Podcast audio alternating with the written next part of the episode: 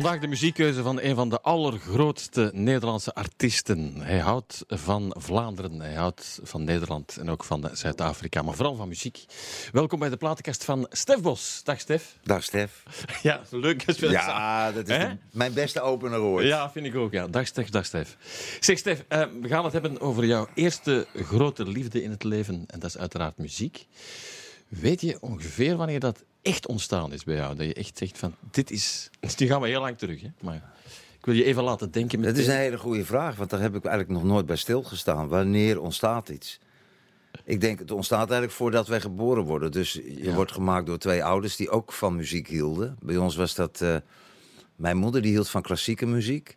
Eh, Catherine Ferrier, dat was een, een beetje buitensporige klassieke zangeres uit Engeland. Die hele obscure volksliedjes zong in de kleedkamer. En daarna de mooiste melodieën van, eh, van Hendel of van Mahler zong. En ik vond, eh, eh, pas later ontdek je dat die zaadjes geplant zijn. Want zij vond dat ook een soort vrouw, die had kanker gehad, die had het overleefd. En het was een soort type vrouw waar mijn moeder wel als idool had. Zo, weet je, van eh, vrouwen met wat haar op de tanden. En, ehm, en ik vond klassieke muziek vroeger verschrikkelijk als kind. Maar dat, dat, dat gebeurt gewoon omdat je je eigen identiteit moet ontwikkelen. En later besef je dat dat zo mooi is. Dus daar zijn wel de eerste zaadjes geplant. Ik denk, mijn moeder was... eh, mijn vader was de ernst, een hele lieve man en ongelooflijk betrouwbaar. Maar mijn moeder was de, de, de levenslustige eh, vrouw. En, en die bracht de poëzie binnen. Ge- Gevoel voor taal en muziek. Het komt van haar. Ja. Ja. En dat eerste, als je dan ze- jezelf... Mijn broer die was tien jaar ouder en die draaide de Beatles en de Stones. En, en Ook belangrijk jou. ja, die zat met zo'n... We hadden zo'n oude Grundig radio. Hè? En met, een, met zo'n oude bandrecorder zat hij al die stukjes op te nemen van de radio, van, van die eh, popmuziek. En dat was een tweede belangrijke invloed als het gaat over liedjes, het houden van liedjes. Maar de, de liefde voor muziek in de basis, als je mij klassieke muziek laat horen, van wat het ook is, of het nou Bach is of Beethoven of eh Copland, Amerikaanse componist. Dat, dat pakt mij nog altijd. Terwijl ik het dat helemaal niet zelf doe, eigenlijk. Mhm. Een soort nostalgie ook? Ja. speelt altijd een rol. Er is altijd er is een soort. eh, eh, als je een gelukkige jeugd hebt gehad, blijft er altijd. eh, is dat een soort ankerpunt, is een eiland. En ik ben daar ook heel dankbaar voor. Dan weet je altijd. Je, ik heb altijd het gevoel gehad, ook als het. je, als je in je leven even niet weet welke kant je op moet, ik kan altijd terug. Dat er altijd, ook al leven mijn ouders niet meer, dan nog kan ik nog altijd terug. Want ik kom van een goede plek. Mooi gezegd. Ja. Ja. Ja, een warme plek. Ja. Ja, ja ehm, Stef, je hebt ook een eh, enorme quarantainetijd achter de rug. eh, waarin je tot jezelf kan komen, beste Stef. Ehm, heb je dat muzikaal ook benut? Creatief eigenlijk niet hoor. Ik, ik voelde toen het gebeurde, ik begreep het niet. Ik, ik ben een jongetje nog altijd, een kind. En ik had niet, begreep eigenlijk niet waarom we elkaar, waarom we niet meer dicht bij elkaar mochten zijn. Waarom ik vrienden niet meer eh, mocht omhelzen. Ik begreep het praktisch wel, maar ik wou het eigenlijk niet. Er zat voor mij in het begin een Je wilt het niet weten. Het was zo... Ja, ik wilde het, ik bedoel, praktisch gezien heb ik het allemaal uitgevoerd. Maar diep in mij zat er iets van. Ik, ik heb altijd geleerd niet bang te zijn voor de dood. En mijn moeder heeft mij dat geleerd toen ze stierf eigenlijk. Die zegt: Weet je, wij zijn allemaal deel van een grotere beweging. Ik ga nu, maar ik blijf in jou. En dat haalde voor mij die angst weg. En opeens leven wij in een tijd waarin die angst voor de dood eigenlijk. Want dat was het onderliggende gevoel. Opeens mensen alle kanten uitjaagt. En ik wilde wel de praktische maatregelen doen en zo en dat volgen. Maar ik denk, we moeten niet bang worden om te leven. Want als je bang wordt voor de dood, dan ben je ook bang om te leven. Want we gaan allemaal een keer zo. En dus ik had in eerste instantie iets van, ik kan er even niks mee. Creatief. Dus toen ben ik eh, een serie van 40 oude stukken gaan spelen en op gaan nemen. Ik dacht, laat ik nu papa zingen. Of laat ik nu, is dit nu later zingen zoals ik het nu voel. En is dat anders? Ja. Ja, bedoel, is dit nu later, krijgt in zo'n tijd natuurlijk opeens een hele andere impact. En ik vond het fijn om te doen. Ik denk, als je niet even, even niet weet wat je met de toekomst kan doen... dan is het perfecte tijd om eens het verleden in te duiken. En te zien van, waar ben ik geweest? Klopt het allemaal wel? Weet je, nou, waar we het eigenlijk voordat deze uitzending begon al over hadden... Veel, voor veel mensen is dit ook een goede tijd geweest. Het is een tijd van introspectie. Is nadenken van waar zijn we nou in godsnaam mee bezig? Of waar ben je zelf eigenlijk mee bezig? En ben je tevreden? Op persoonlijk vlak wel, ja. Want wat, wat jij ook al tegen mij zei, ik bedoel, het contact in het gezin met de kinderen. Ja, dat is wel een ontdekking opeens. Weet je, als papa. Want eh, papa is thuis plots. papa is thuis. En, en papa was nog nooit zo lang thuis. En En dat schept een andere band, toch? ja, dat is een. een eh, opeens zie je het hele veld vol bloemen zie je bloeien. De, de, de liefde krijgt wel even alle volle aandacht. En gelukkig, weet je, dat kan denk ik in sommige gezinnen ook heel erg spannend geweest zijn. Om, en waarschijnlijk eh, dat, dat je op elkaar knalt. Maar bij ons was het tegenovergestelde. Mhm. Dus ik ben er wat dat betreft gelukkig mee. Met de buitenwereld denk ik, kom aan, we moeten ons niet... Dit is, weet je, de, de, de mens leeft om, om, Om te leven. ja, om te groeien. En eh, we moeten geen kastplantjes worden. Zeggen, het toeval bestaat niet, hè? Want jij wou na de tournee tijd, hè, die normaal gezien voor je neus stond, met hoeveel optredens waren ik wil het niet weten, 40 of zoiets. eh dacht je van, meer, ja, denk nadien ga ik het wat rustiger doen, dan ga ik alleen nog maar tournees doen. Ja. Gebaseerd op eh, korte tijd. En dan gebeurt dit. ja, dat leert ons weer dat de grote dingen in het leven... geboorte, dood, geluk, verdriet... Wij denken dat we heel veel kunnen bepalen, maar vergeet het maar. Ja. En dat wist ik al en het wordt bevestigd, weet je. Dat je denkt van, oké, je kunt wel denken van... ik ga wat minder spelen, maar ik ga denk ik... komend seizoen, omdat alles wat we in moeten halen... gaat mijn drukste seizoen ooit worden. Mhm. Dus dat heeft mij weer geleerd van, Stef, overgeven. Overgeven. Je kunt het niet allemaal bepalen. Ja, en je zat ook al in Zuid-Afrika, dus laten we maar meteen naar eh, Afrika gaan. Ja. In jouw platenkeuze, het zijn er tien geworden. Ik weet dat ik met jou enkele afleveringen zou kunnen doen, maar dat gaan we niet doen vandaag. We zitten in Afrika, we zitten bij Youssou N'Dour. Ja Uh, Nene Sherry hier met eh Seven Seconds. Eh, waarom?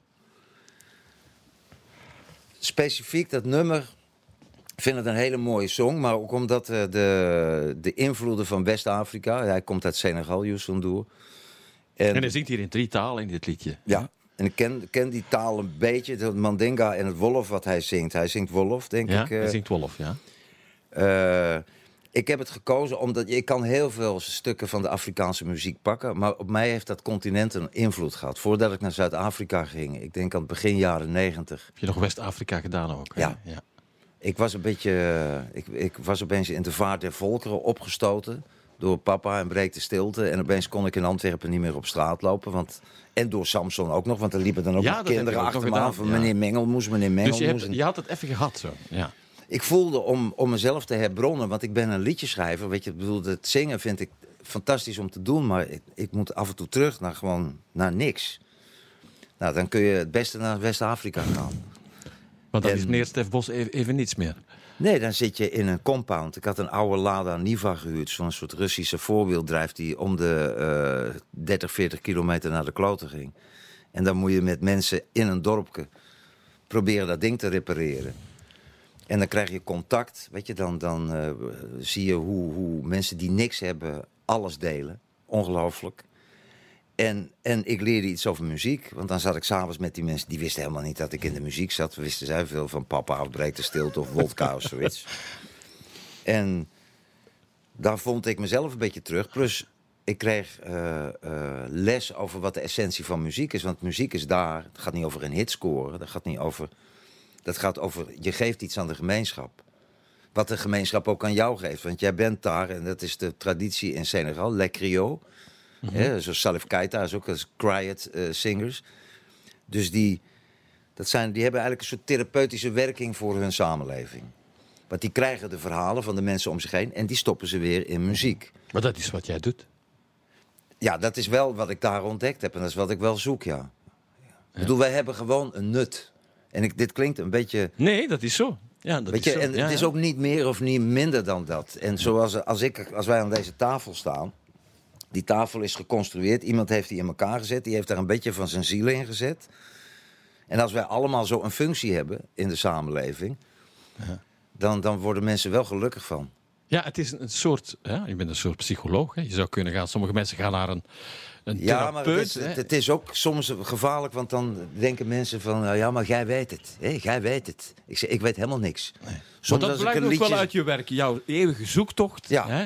Dat, dat, dat is nu eenmaal heel erg duidelijk. Nee, ik heb mijn heldere momenten en dan weet ik het even en daarna weet ik het Ja. niet meer. Zo, maar de, het is een ambacht. En dat leerde ik Ja. daar. Ik leerde elke avond werd er gespeeld. Weet je, werden, zaten mensen te zingen. En ik dacht, de mensen dus die zijn helemaal niet op zoek naar een liedje. Die, die, die, die gemeenschap wordt gevormd door muziek.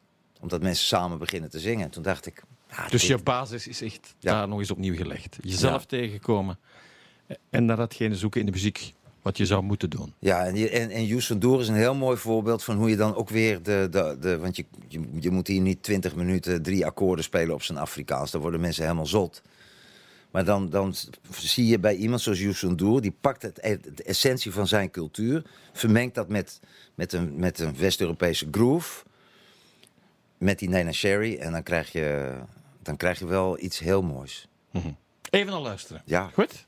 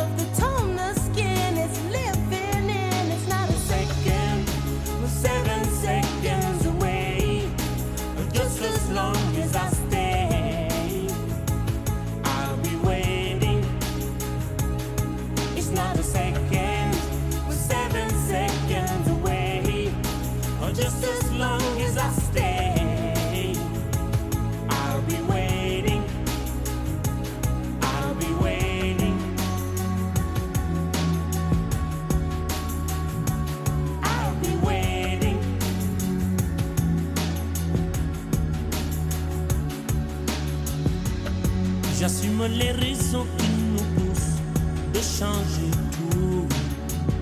J'aimerais qu'on oublie le couleur pour qu'ils espèrent.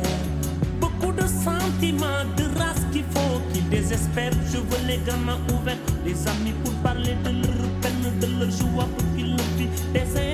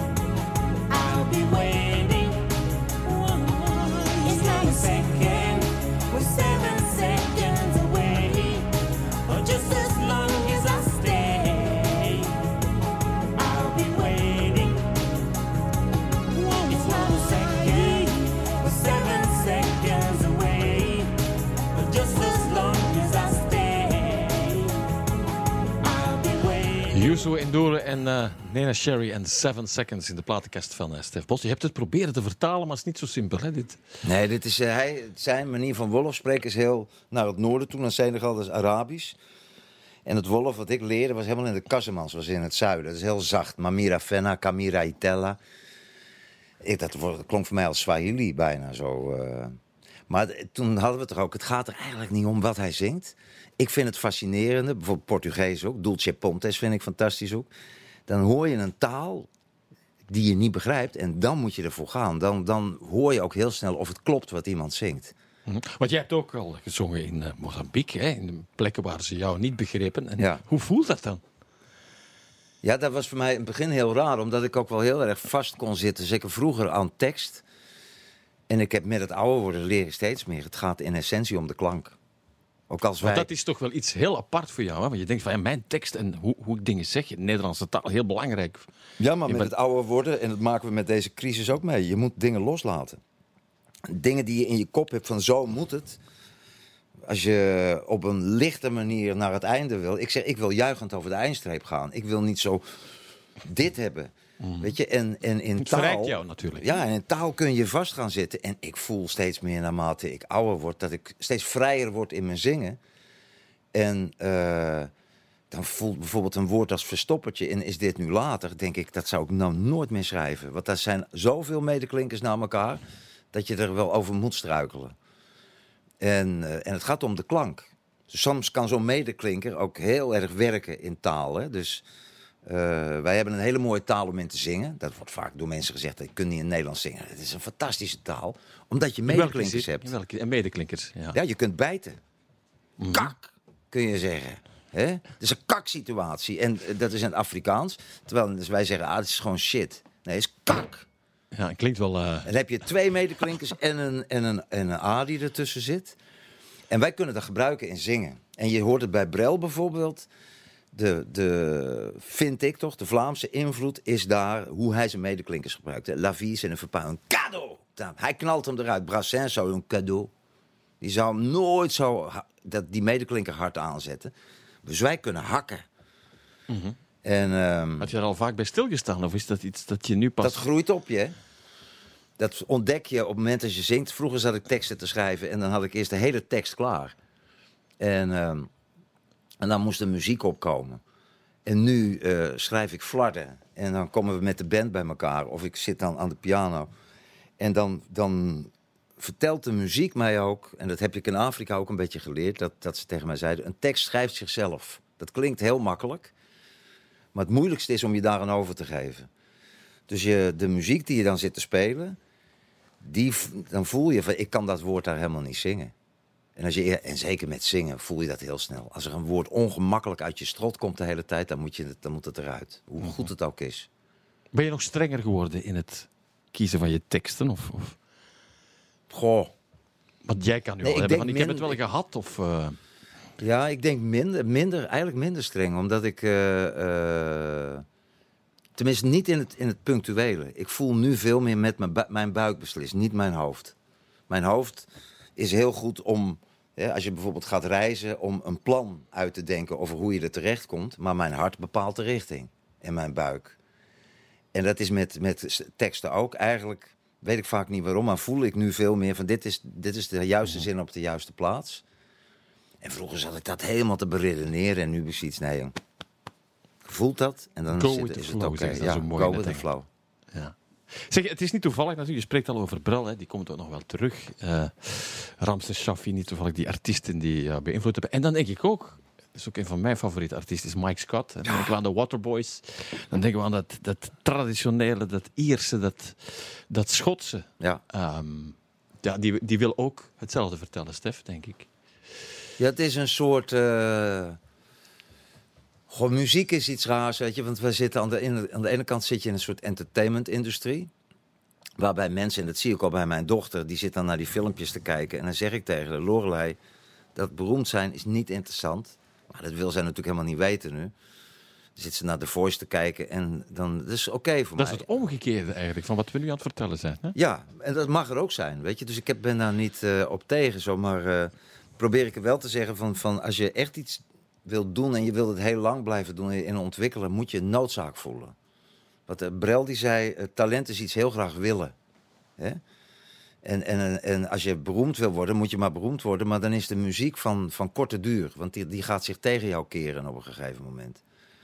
Maar je En- moet het ook kunnen natuurlijk. Hè. Het is soms iets gemakkelijk gezegd natuurlijk. Hè. Je moet het volhouden. Ja, ik weet het ook niet precies hoe het zit. Weet je, de, de, toen ik begon met, met mijn begin was natuurlijk zo binnen anderhalf jaar eerst met Door de Wind dat ik achter Ingeborg daar stond en dan eh Toep Toep Toebidoua te zingen op een Eurovisie Songfestival en toen Papa is dit nu later en breekt de stilte. Dat ging zo snel dat ik eh, heel blij was dat ik Boudewijn de Groot tegenkwam die mijn tweede plaat produceerde en die zette alles weer in perspectief. Want je moet dan En die zetten jou met je voeten op de grond. ja, en, en iemand hebben die ouder is dan jij, die, Die die het allemaal heeft van- gezien. Ja. ja, die zegt van je moet ver vooruit kijken. Je moet niet nu zitten anticiperen hoe schrijf ik een tweede papa, maar je moet werken aan je repertoire. Dat je over 20, 30 jaar, en dat zeg ik ook tegen jonge gasten dikwijls, probeer 30 jaar vooruit te denken. Maar dat wil je soms niet hè, op die leeftijd. Hè? Maar goed. Ja, nee. Maar, maar het is wel belangrijk, omdat je, als je 30 jaar vooruit denkt, dan toen dacht ik ook, ja, eigenlijk wat ik wil in mijn leven is een paar liedjes schrijven die misschien de moeite waard zijn. Dat is al gelukt, dus hoef je niks meer te doen. Eigenlijk wel, ja. Nee, maar dat is ook rond mijn veertigste. En dan gaan we naar de Waterboys. Gebeurde er wel iets. Mijn moeder overleed veel te vroeg. eh, aan die ziekte eh, waar veel meer mensen aan overlijden... dan aan de ziekte waar we het de laatste tijd over hebben. Maar daar staat nooit iemand te applaudisseren... voor al die mensen die verzorgd worden voor kanker en zo. En, en, ehm, en ik denk mijn leraar literatuur... dat was een soort tweede vader van de Antwerpse toneelschool. Oekhoff die overleed. Plus een vriendin nog. En het kwam allemaal na elkaar. Rond je veertigste, wat sowieso een beetje een kantelpunt is. En, ehm, en ik, het ging op zich goed met mij, maar ik voelde wel dat ik even helemaal de richting kwijt was. Dat ik het niet wist. En niet weten is ook heel belangrijk in je leven. Want ik wist het allemaal tot dan toe wel. En op dat moment wist ik zo van... Dit is misschien wel mijn beste moment, want ik weet het even niet. En toen eh, zat ik te luisteren, twee weken lang in Zuid-Afrika, zo in, een, eh, in de winter was het, aan de kust. Witzand heette die plek. Mooi, hè? Ja, ongelooflijk schoon, maar ik was daar helemaal alleen. Dus ik was echt even in retraite en eh, een soort zelf opgelegde corona-quarantaine. En ik zit daar en het was koud. Want die winters kunnen ook koud zijn in Zuid-Afrika soms. Maar het was een eindeloos strand en ik liep daar. En ik wou iets schrijven, maar trok op niks wat ik eh, aan het maken was. Maar het enige lied wat ik de hele tijd aan het luisteren was, was eh, That Was The River, This Is The Sea van de Waterboys. Op, op zo'n Walkman. En Witstrand ligt ook aan de monding van de brede rivier.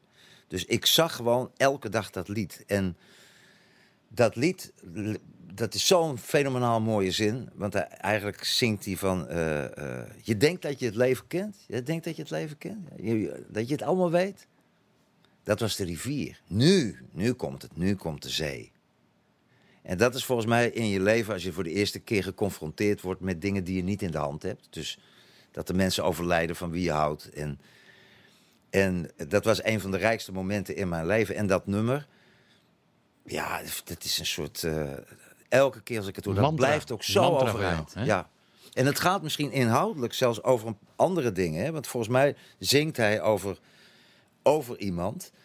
Maar voor mij, dat hele gevoel met die 12-string en dat Ja. soort, die drijf inderdaad waar je in zit, dat, dat Schots-Ierse gevoel, dat zit zo dicht bij de buik. Mhm. Dat is niet bedacht, dat is ontstaan.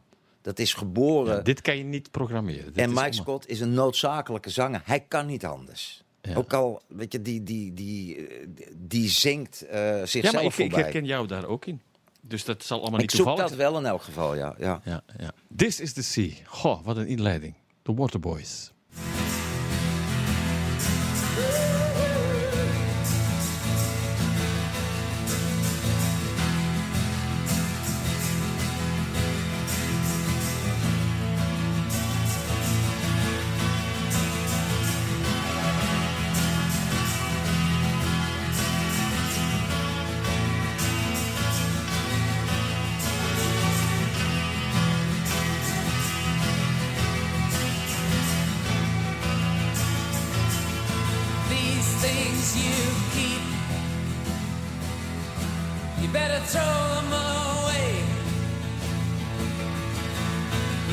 turn your back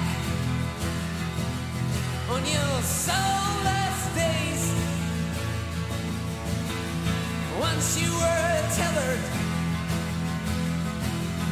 and now you are free. Once you were tethered, and now you are free. That was the river. This is the sea.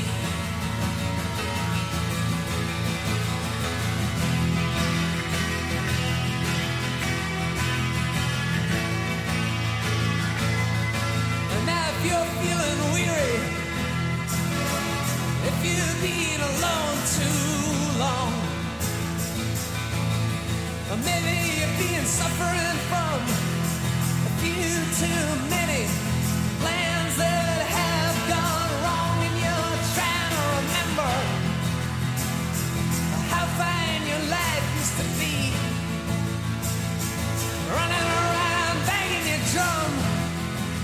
like it's 1973. Well, that was the river. This is the sea. Woo!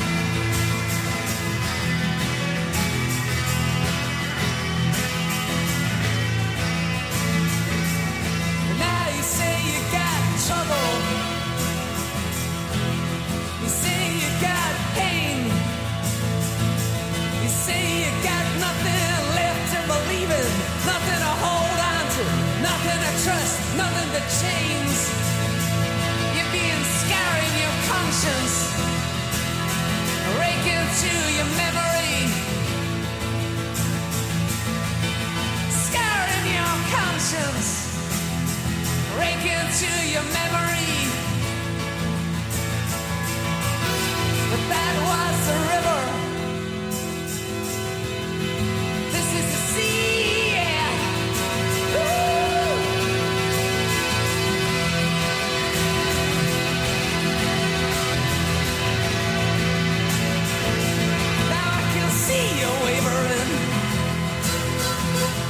As you try to decide.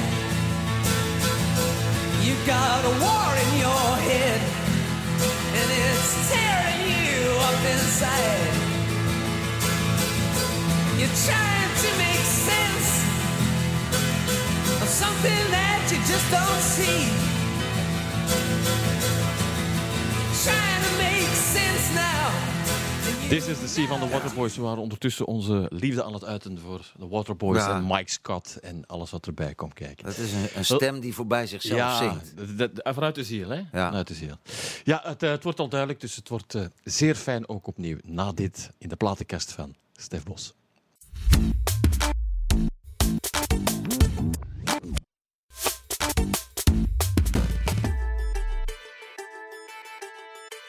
Welkom terug in de platenkast van eh, Stef Bos. En we gaan opnieuw naar, eh, naar Afrika, Stef. Niet toevallig. En dan belanden we bij ehm, Johannes Kerkorrel. Die Ja. dus jammer genoeg niet meer is, maar waar jij ook mee samengewerkt hebt. Het album Together as One. Hè? Ehm, hoe was dat? Ja, dat is een, een, een levensveranderende ervaring geweest. Weet je, ik kom hem tegen op een terras in Antwerpen in de zomer. Ik liep daar met Mark van Egem, vergeet het nooit meer, en met Peter van het Begin. Dat, wa- eh, Een goede vriend van jou. Ja. En we- het was een zomeravond. En eh, ik had dat liedje van hem gehoord op de radio. Ik denk eh Hilbrouw. Dat was een beetje een soort radiohit hier in België. Ik vond het ongelooflijk mooi. Dat, maar ik was gefascineerd door die taal, door het Afrikaans. Want het is toch een soort zijweg van het Nederlands. Maar Klinkt ik hou lekker. van mijn moedertaal, maar ook in alle vormen. Van West-Vlaams tot Gronings, tot Twents, tot Limburgs. Want juist in de streektalen zit de authenticiteit dikwijls. Hè? Daar worden de mooie eh, uitdrukkingen eh, uitgevonden. En opeens hoor ik dat Afrikaans. En kom hem tegen op die avond. We beginnen te praten. Ja, dat was het begin van een vriendschap.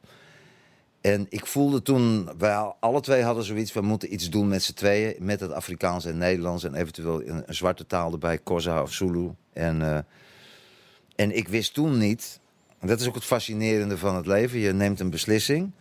je gaat op een gegeven moment, begint zo'n vriendschap begint.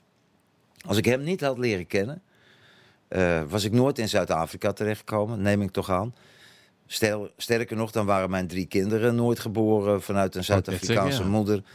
En eh, was mijn weg anders gelopen. Niet, niet eh, slechter of wat dan ook, maar Heel bepalend. ja, dus het is voor mij zijn muziek. eh, ook, eh, er zijn een paar songs, Heel Brouw, Halala Afrika.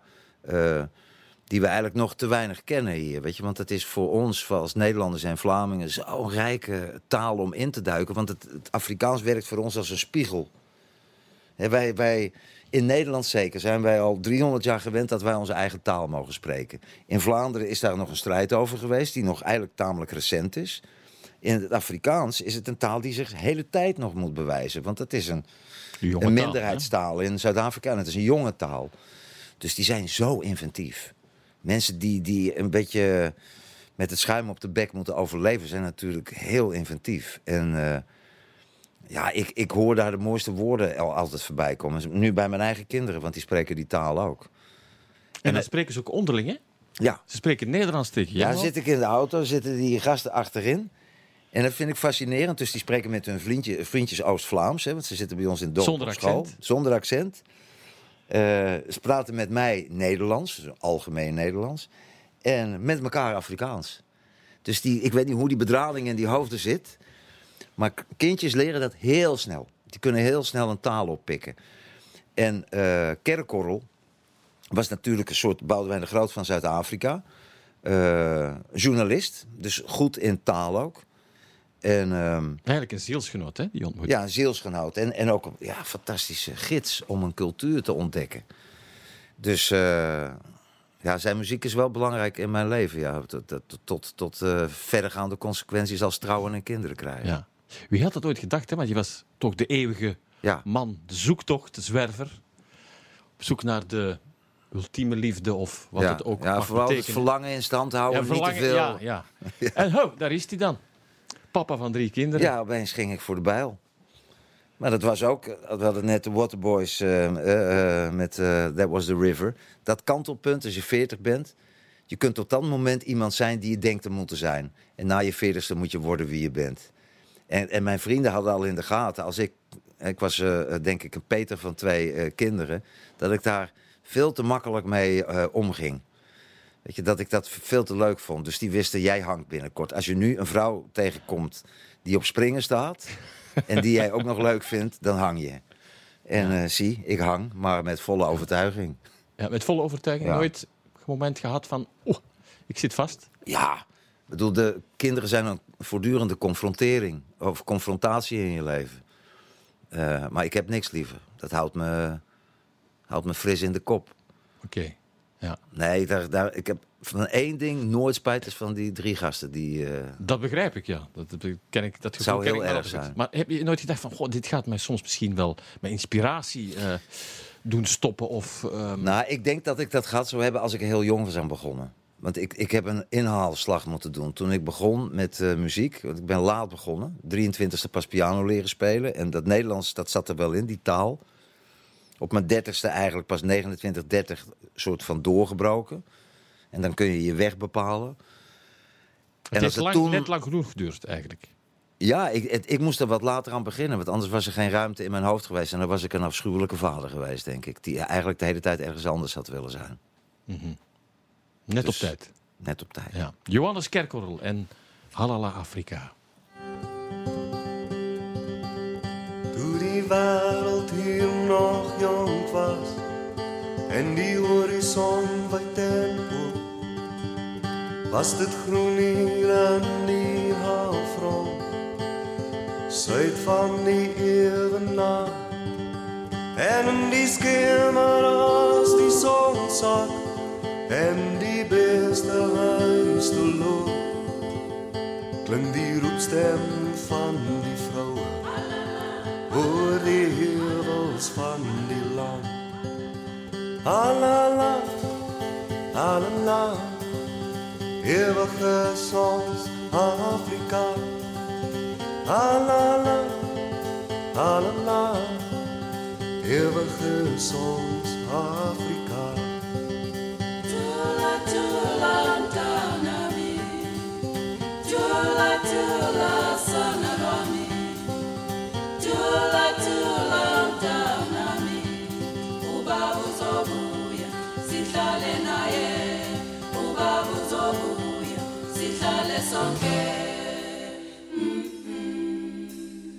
kom die skepe uit die weste Wat seil oor die see.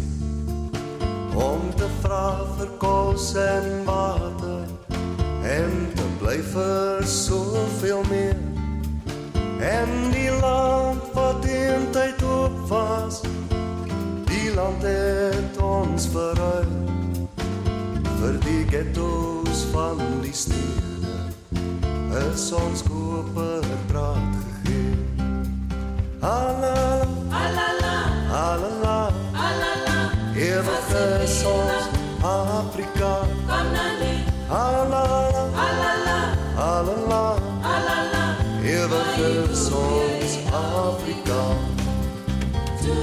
Daar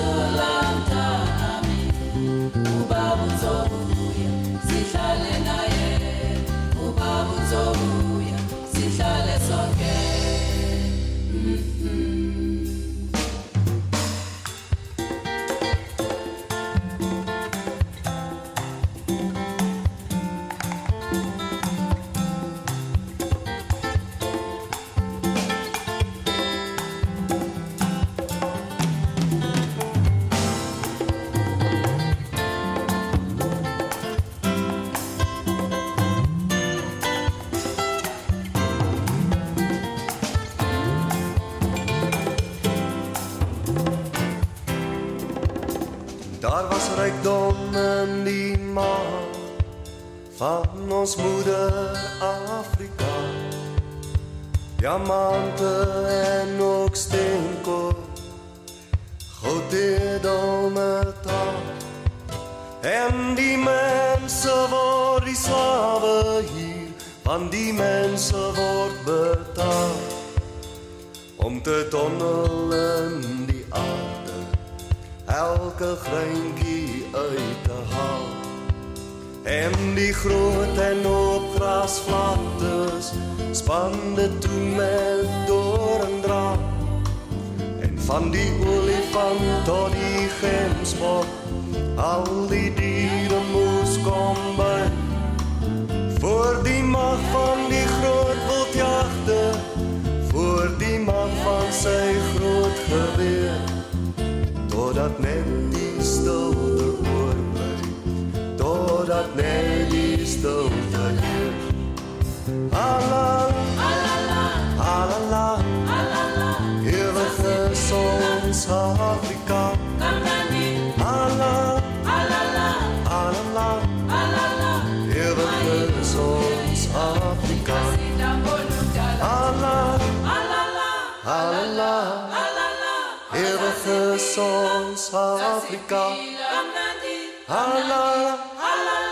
alala. Alala alala ewig is ons Afrika alala. Alala. Ewig is ons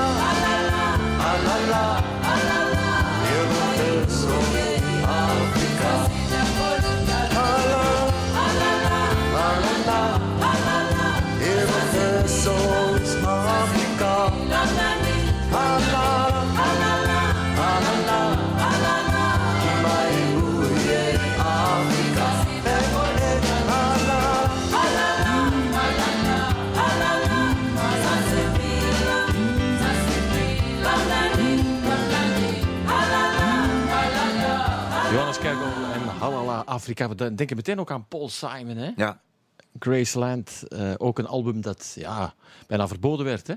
in die landen. Ja, hij was eh, nou, maar wereldwijd, omdat hij een culturele boycott doorbrak toen. eh, is een van de beste platen in eerste instantie afgeschoten door de internationaal politiek correcte pers. Dat zijn wij vergeten. Was, eh, hij, eh, en vandaag werd- een van de meest legendarische. Ja, en dat was ook een hele belangrijke plaat, weet je. Want in die culturele boycott in- ten aanzien van het apartheidssysteem... hebben we een, een ongelofelijke fout gemaakt vanuit West-Europa. En zeker vanuit Nederland.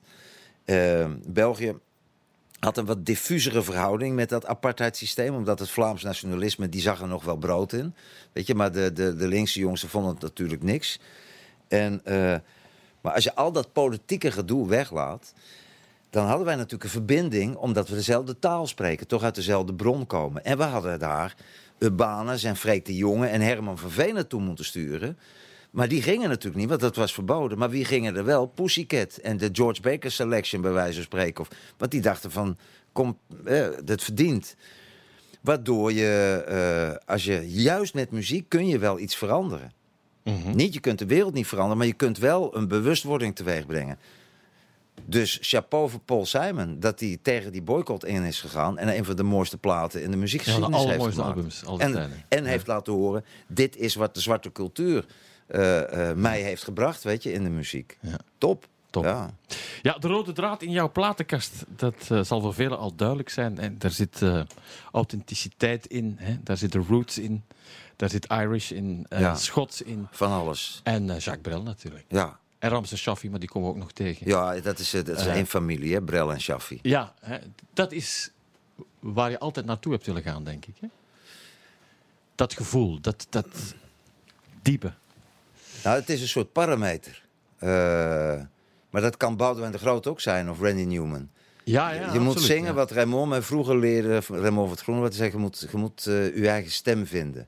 En, ehm, en het is dan heel goed om te luisteren naar, naar eh, iemand als Brel of, of Dylan of Randy Newman of, of Ramses, waarbij je voelt, die zingen wie ze zijn. Dat heeft bij mij wel even geduurd. Ik kon de liedjes wel schrijven, Ja, er zat bij mij zat wel sowieso. Ja. ja. Maar er zat bij mij nog wel iets in de weg waardoor ik. ik vroeger, twintig jaar geleden, had het, was dit interview anders gelopen. Dan had ik met een ernst hier staan. Ja, ja. Ik wil toch nog zo overkomen. Of, ja. En nu heb ik zoiets van. pff, kus mijn zeggen ze dan in Antwerpen. Zo, weet je. ehm, dus dat je schaamtelozer wordt. Maar dat heb ik wel geleerd van als je naar Brel kijkt. Maar Eigenlijk het idee van niet iedereen hoeft mij graag te zien. nee. Zoiets. Ja, gewoon ja, want anders dan stroom je niet meer. Dan zit je de hele tijd maar te strategisch te denken. weg? Ja. Ja, maar ja Jacques Brel, wat, wat had hij dan dat anderen niet hadden, denk je? Nou, ik heb laatst eh, die biografie van Oliver Todd zitten lezen. Toen ben ik eigenlijk pas echt eens in dat leven gedoken. Ja, enorme noodzaak om te doen wat hij wou doen. En eh. Het was wel ook iets... een soort afzien, hè? Op het podium gaan staan. Dat, dat, eh, Ja, dat is bij hem wel. Dat heb ik helemaal niet. Nee, dat heb jij niet. nee. En dat had Ramses ook helemaal niet. Terwijl Ramses ook komt, ook helemaal... eh, Terwijl bij Brel was het echt... eh daar Ja, die, gaan we mo- weer. die moest soms kotsen voordat Ja, hij opging. ja. zijn ook een beetje de legendes, had hij ook niet altijd. Want als je 365 keer per jaar speelt, dan moet je niet 365 keer per jaar kotsen. Want dan, dat, dat, dat hou je niet vol volgens mij. Maar ehm, ik denk, wat ik zie wel in de muziek, in mijn eigen wereld. Er zijn gewoon, om maar heel kort door de bocht te gaan, twee soorten type artiesten. Mensen die die spanning nodig hebben, anders zijn ze niet geconcentreerd. Zag ik al op de toneelschool. Eh, en bij mij werkt het heel slecht. Als ik te gespannen ben, dan word ik te gefocust. Dus ik moet opgaan en dan word ik het lied. Dan ben ik niet meer bezig met mezelf. En eh, sommige mensen moeten enorm, maar die hebben ook een traject worden, wat ze willen volgen. Hè? Bijvoorbeeld Ja. Brel moet je niet onderschatten. Ramses, die improviseerde zich helemaal wezenloos als hij aan het spelen was. was elke avond anders. Bij Brel is het een scenario hoor. Als je bijvoorbeeld nummer Quitte pas of eh, eh, bepaalde songs in verschillende vormen terugziet, of Le, Le Vieux, dan doet hij zo qui dit oui, qui dit non. En dan gaat als een soort slinger van een klok gaat zijn hand heen en weer. Elke keer. Op het juiste moment. ja. Ja. Dus als je perfectie nastreeft, wat ik absoluut niet heb, eh, of niet heb, dan... Als je perfectie nastreeft, dan moet je denk ik wel eventjes overgeven voordat je opgaat. Maar om het dan nog zo te kunnen doen, ja, dat is... En dan nog die ziel erin stoppen. Ja. En dan die perfectie. Ja. Maar hij weet natuurlijk wel wat hij op dat moment wil vertellen. En dat wordt ook belangrijker dan hem. Weet je, je kunt Claude François ernaast zetten, ook fantastisch. Maar dat is show, met allemaal vrouwen met veren in hun gat erachter. En daar hou ik ook wel van, moet ik eerlijk zeggen, om te zien. Maar bij Brel, die wordt dat lied. Die heeft zoiets van, ik ga hier gewoon alles geven om die mededeling te doen. Ja. Ja. Ja, en dan had je ook een, een sleutelmoment bij jou. Is, ja, omdat we het toch over Jacques Brel hebben, in 97. Ga je met Johan Verminnen ja. eh ja, Brel eren, zeg maar. Ehm, hoe is dat gegaan? Levensgevaarlijk, hè? En Ja. Zeker in België, want dan gaat je kop eraf. Johan Antierens, die leefde nog. Fantastische man, vond ik. En dat was ook een Brel-fanaat. Dus ik dacht, nou, die gaat ons geniaal fileren. Want ik vond dat hij een hele goede pen had. En ik denk, als iemand mij ooit af moet maken, dan het liefst Johan Antierens. Wat de juiste woorden. En het, en het tegenovergestelde gebeurde. Eh, Peter van der Begin die regisseerde dat. Dat was een van mijn, een van mijn beste kameraden. En die, wij hadden heel snel het idee, we moeten niet Brel na gaan doen. We moeten eigenlijk een soort voorstelling maken over, eh, met liedjes van onszelf, van, van Johan en van mij, eh, die we zonder hem nooit hadden geschreven. Dat is het beste eerbetoon. En dan een paar stukken te doen, een vertalingen van hem, die we zelf zouden vertalen. En hem zelf laten spreken. Dus ik ben met Peter van het begin toen in de archieven geweest en zijn vrouw leren kennen, weet je, Mich en zijn dochter Frans Brel. De archieven ingegaan. En gewoon allemaal audiofragmenten. Wat hij vond van vrouwen. Wat hij vond over de politiek. Wat hij vond van de wereld of van oorlog of van eh, whatever. En, eh, en we hebben hem laten spreken.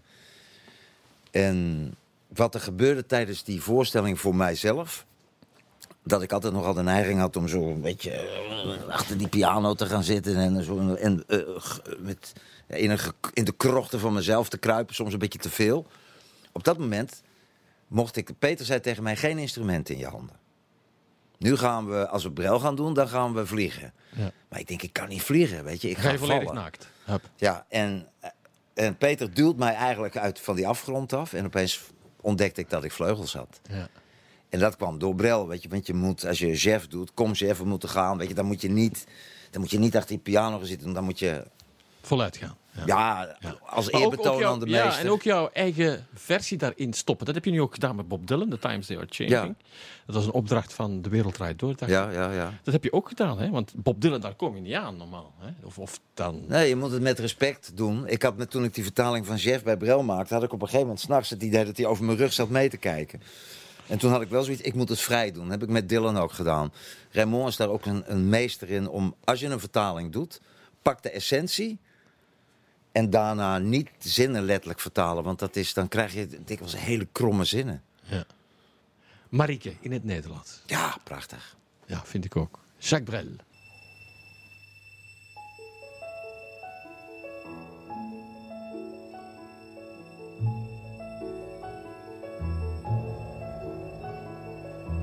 Aïe, Marique, Marique, je t'aimais tant entre les tours de Bruges et Gand. Aïe, Marique, il y a longtemps entre les tours de Bruges et. Zonder liefde, warme liefde, waai de wind, de stomme wind. Zonder liefde, warme liefde, weent de zee, de grijze zee. Zonder liefde, warme liefde, leidt het licht, het donker licht.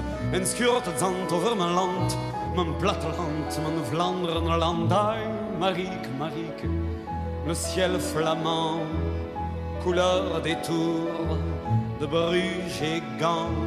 Aïe, Marique, Marique, le ciel flamand pleure avec moi de Bruges à Gand. Zonder liefde, warme liefde, waai de wind, c'est fini.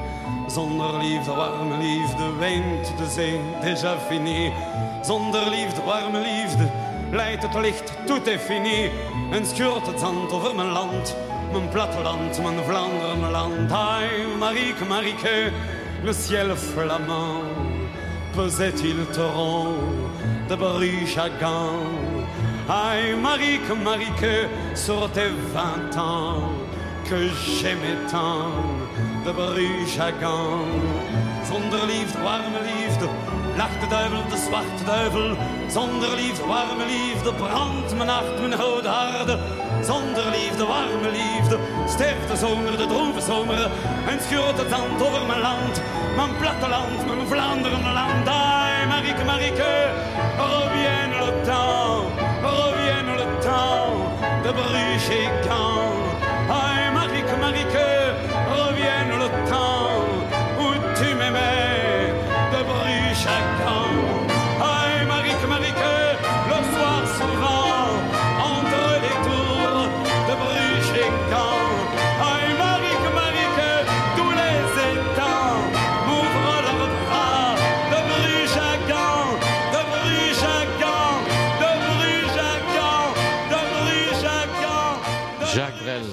eh, fantastische Marieke hier de platenkast van eh, Stef Bos. Mag ik, mag ik één dingetje aan Ja. toevoegen? Dit lied horen. Ja. S'nachts. In een kroeg in Antwerpen, als je net uit Holland komt en je gaat in, in Antwerpen studeren. Ja. En die Jan de Cler die zit daar aan de toog. En je zit met je, de mensen die, je- waarvan je nog niet weet dat je daar de toekomst mee ingaat. Hè, met jouw generatiegenoten. Daar heb ik Brel ontdekt hoor. S'nachts om twee uur. Met een pint. En dan ben je, ah, dit moet horen. En dan zo vol eruit. En toen... Dus eh, voor mij staat Brel ook voor België. Wat België, ik bedoel, Zuid-Afrika heeft een grote impact gehad. Maar En Jan de Cler dan nog, wat een scène. ja, maar hier te komen als Nederlander. eh, als het nu over het eh, debat gaat over dat je van buiten komt. Wij komen ook van buiten. En ik woon al langer hier Dan in Nederland. Nederland. Ja. En altijd zal ik nog een relatieve vreemdeling blijven. Voel je dat zo aan? Ja, maar, in, maar dat is ook goed. Weet je, wij moeten niet iedereen op een hoop willen gooien. De, de, in de verschillen ligt zo'n mogelijkheid om met elkaar iets moois te maken. En bekijken ze dat ook in Nederland soms? Van, dat is die kerel die ook veel in Vlaanderen zit en in Zuid-Afrika? Of... In Nederland dachten ze vroeger dat ik een Belg was. Ze zeiden zo, hier is die dan, Jeffke Bos. Echt waar, eerste keer dat ik televisie moest doen. In Nederland, bij de Tros. Ik vergeet het Bos. nooit meer. Ik zeg, hallo, is Stef. En, en ik, ben, ik heb nog een Nederlands paspoort. Zo, eh. Dat begrijp ik Ehm, niet helemaal. Nee, maar ik, ik ben hier begonnen. Ik ben in België begonnen, niet in Nederland. Maar dat horen ze toch? Ik bedoel, dat, dat, eh, eh, Ja, maar dan, dan, dat was in Zuid-Afrika ook heel lang. De Belg. Ik werd een Belg genoemd. ja. En ik, ik had zo laat, laat ze maar. Ik weet het zelf ook niet meer. Chefke Bos. Steve Winwood, Why You See a Chance. Mm. Take it. Waar zitten we dan? Dan zitten we in de... eh, ja, 81 is dit. ehm, uit het album Ark of a Diver. En Ja. dan denk ik aan dat Hammond-orgel meteen, joh. Dat is eh, fantastisch. Nou, ik ben geboren in een dorp. eh, en ik, dus ben, ik heb nog altijd de horizon in mijn hoofd van het dorp waar ik geboren ben. Dat zal nooit verdwijnen. Maar dan ga je naar een stad, je gaat studeren. Het was in Utrecht, voordat ik naar Antwerpen ging. Je bent op dat moment 81 was ik... was het wat zei je? 81? 81, ja. 81. Dus ik was drie jaar aan het studeren. En je bent dan, wat noemen ze dat in de sociologie, de formatieve fase van je leven. Om maar even een woord uit de kast te ja. halen. Ja. Hm. Maar de- alle dingen in je leven gebeuren dan voor de eerste keer. Als je klein bent, dan gaat het over de hele essentiële dingen. Moederliefde of juist niet. Of weet je, de, de, de. Mhm. Maar de eerste keer dat je denkt dat je het zelf mee gaat maken... dat is in die fase. Je wordt de eerste keer verliefd en niet zo'n beetje. En je denkt, dit is, dit is ze, weet je. En eh, kortom, het is de opening van een film. Het is het begin van een dag. De zon komt op in je leven. Eigenlijk, weet je, daar ligt de toekomst. Je weet bij God niet wat er gaat gebeuren. Maar je voelt een soort lente in de lucht. En dat zit voor mij in dat nummer. Elke keer als ik dat hoor, zie ik mij op die studentenkamer zitten.